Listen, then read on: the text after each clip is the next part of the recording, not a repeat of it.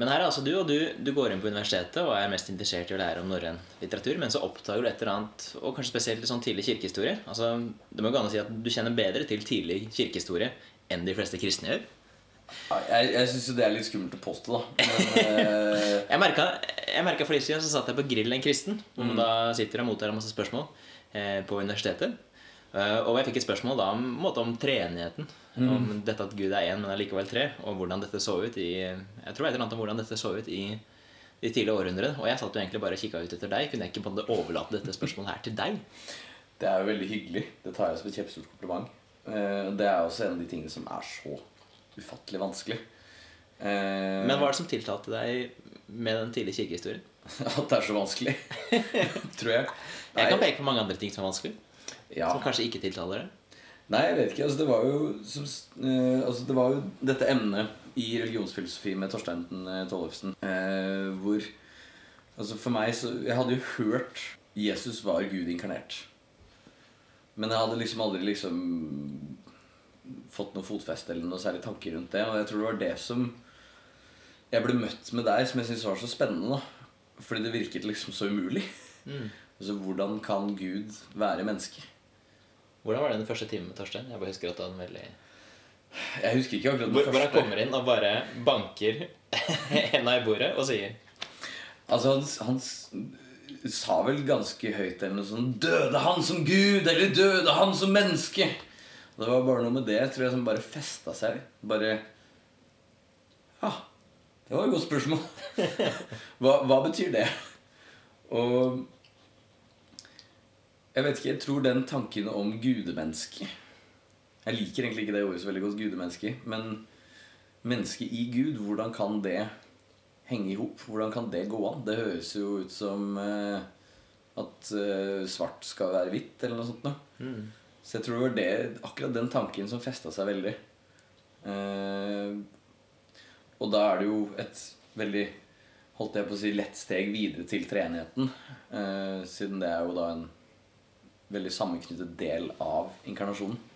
Men det starta vel egentlig sånn med det, og, og om kirkefaderen Origenes eh, og Tollefsen sine timer, men også Jeg ble veldig interessert i den egyptiske kan man kanskje si prest, presten Arius, og arianismen, som da eh, Man kan vel si enkelt fortalt liksom benekter at eh, sønnen eller Jesus er Gud. da hm, Hva mente de isteden? Uh, altså her er det jo uenigheter, da, men jeg tror kanskje noe av den sentrale tanken i arianismen som jeg vil egentlig bare forbeholde til å snakke om da Arius, og ikke liksom Mange bruker det begrepet litt videre. Men er jo at det finnes en tid hvor sønnen ikke er. Altså det finnes en tid hvor den eh, preeksistente Kristus ikke eksisterer. Altså at eh, Så at treenigheten ikke alltid har vært treenighet, men blir treenighet etter hvert? Ja, altså Det begrepet er jo litt vanskelig i den tiden. For jeg tror ikke Nå skal jeg ikke være helt sikker, men altså, sånn trenighet er jo da ikke så eh, formulert som det er nå i dag. da. Eh, så man har jo ikke den samme tanken om en trenig gud da. Eh, og det ser man jo også f.eks. på den nikenske trosbe trosbekjennelsen fra kirkemøtet i Nikea. Den eh, opprinnelige eh, bekjennelsen er jo ganske forsiktig i hvordan den omtaler Den hellige ånd, f.eks. Mens du ser den, eh, det som kalles den nikenske trosbekjennelsen, som er den som eksempel brukes i Den norske kirke i dag, er jo egentlig fra kons- konsilet Konstantinopel, som er en god stund etterpå. Men den opprinnelige nikenske trosbekjennelsen er jo litt mer sparsom i ordene når den omtaler Den hellige ånd. Og det, mange, eller En del historikere mener jo at det er liksom rett og slett nesten litt berøringsangst. At liksom nå, nå har vi ett problem her med sønnen, og hvordan sønnen ble til, og hvordan sønnen er. La oss ikke liksom kaste oss ut på eh, Den hellige ånd ennå. Hvorvidt den analysen er korrekt eller ikke, det tør jeg ikke å si. Men eh, det viser jo kanskje noe da, om at det er jo ikke den samme tanken om en trening gud da som det er nå. Men at det er tre av et eller annet, er jo, den er jo der.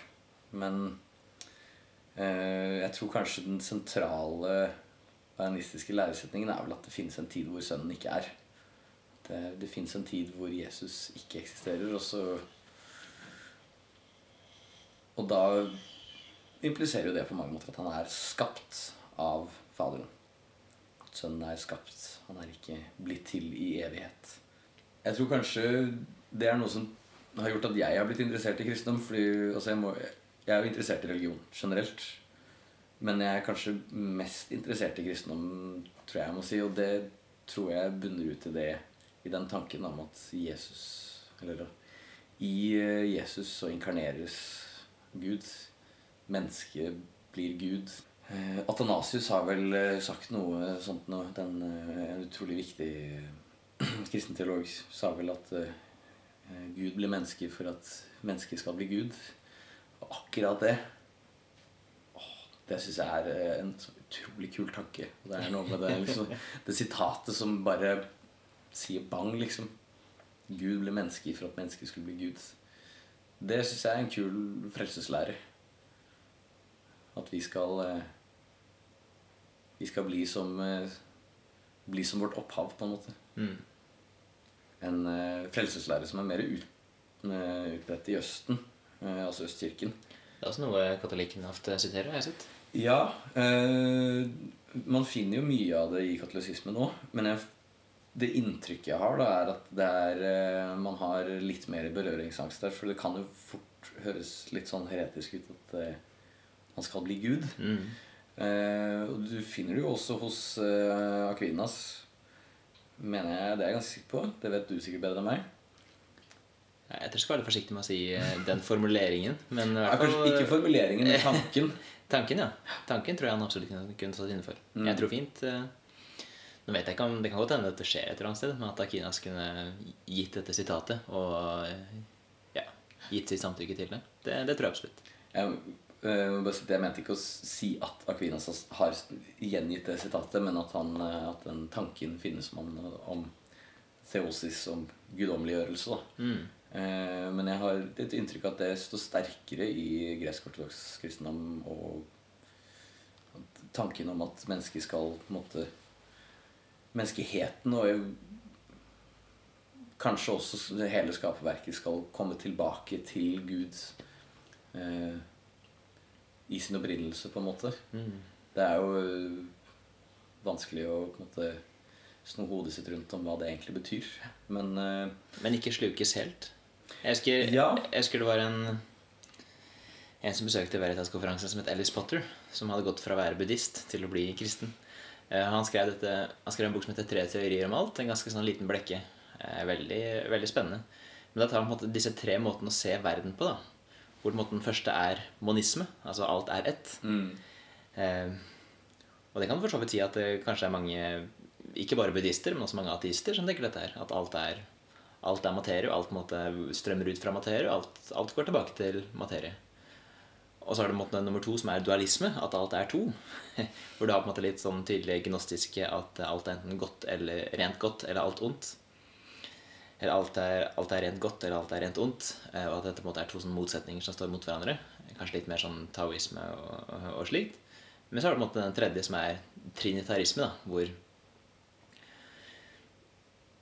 Hvor, som du sier, at eh, innenfor kristen tanke så er det ikke slik som i mye hinduisme og buddhisme at du, du skal på en måte tilbake til verdensaltet. At du, Mm. du skal på en måte integreres og bare bli en del av denne denne enheten som, som var der i utgangspunktet, men at du skal, du skal tilbake til ditt opphav, men samtidig måtte beholde din egen identitet. Da. Nettopp fordi eh, i treenigheten og i trinitarismen og i, i kristen teologi så er alt alt starter med relasjon. Og, og for å ha en relasjon så må man jo faktisk være separat fra hverandre i en eller annen forstand. mm, At du ikke bare At man ikke bare integreres, at man blir ett igjen, men at det faktisk fortsatt er Ja, som hvis du, hvis du måtte ha en elv som strømmer tilbake i et hav, så er det litt vanskelig å si at det vannet i det havet måtte ha en relasjon til hverandre, for alt er på en måte en del av det samme havet. Men Mm. at vi fortsatt beholder vår integritet, da, slik at elven kan på en måte ha en slags relasjon til havet fordi den ikke er det samme som havet. disse fine analogiene. Eh, tror, det, det fins nok bedre analogier enn det, men det var bare den jeg kom på i farta. men det er jo veldig nærme en av de klassiske som brukes.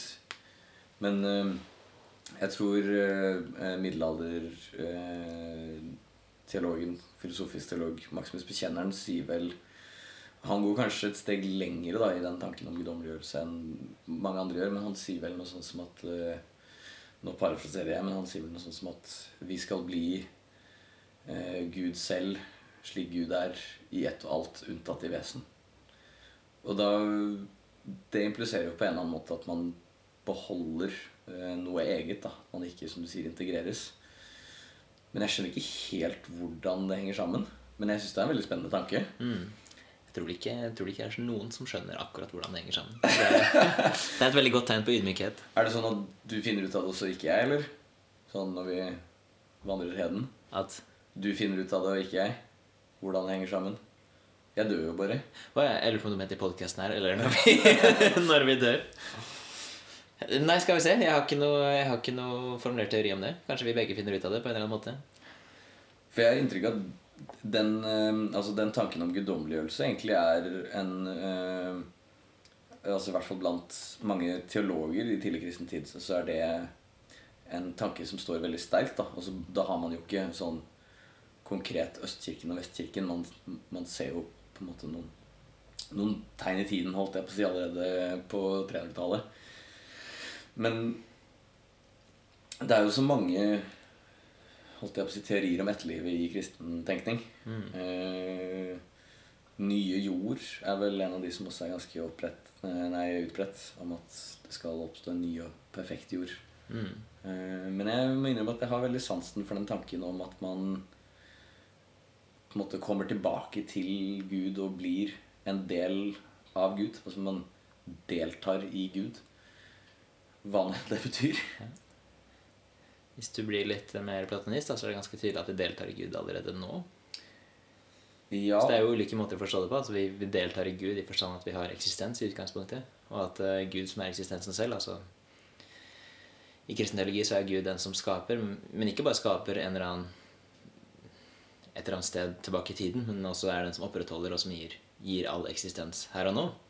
Så en deltakelsestanke er vel ganske sentral i, eh, ja, i mye av denne platonistiske, mer platonistiske teologien. da. og mye antikk tenkning generelt. Eh, men jeg tror man absolutt kan si at eh, den kristne tanken om guddommeliggjørelse er vel har vel noe Den er vel skyldig noe til platonismen og platonismen.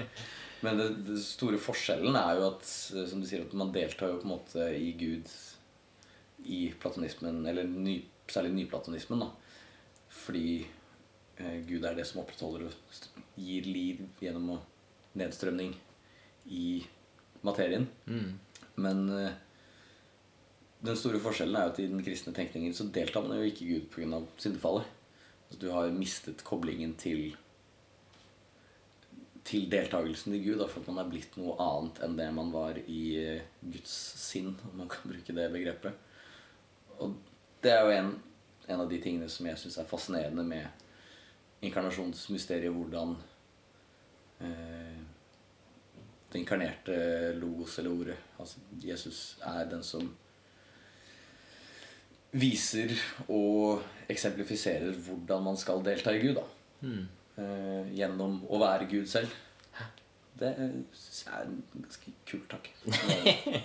Det, Jeg er trygg på at alle svartmetallere og mennesker som er sinnatister i tenårene, vil, eh, vil si det samme. kanskje hvis du hadde lest Origen. Altså.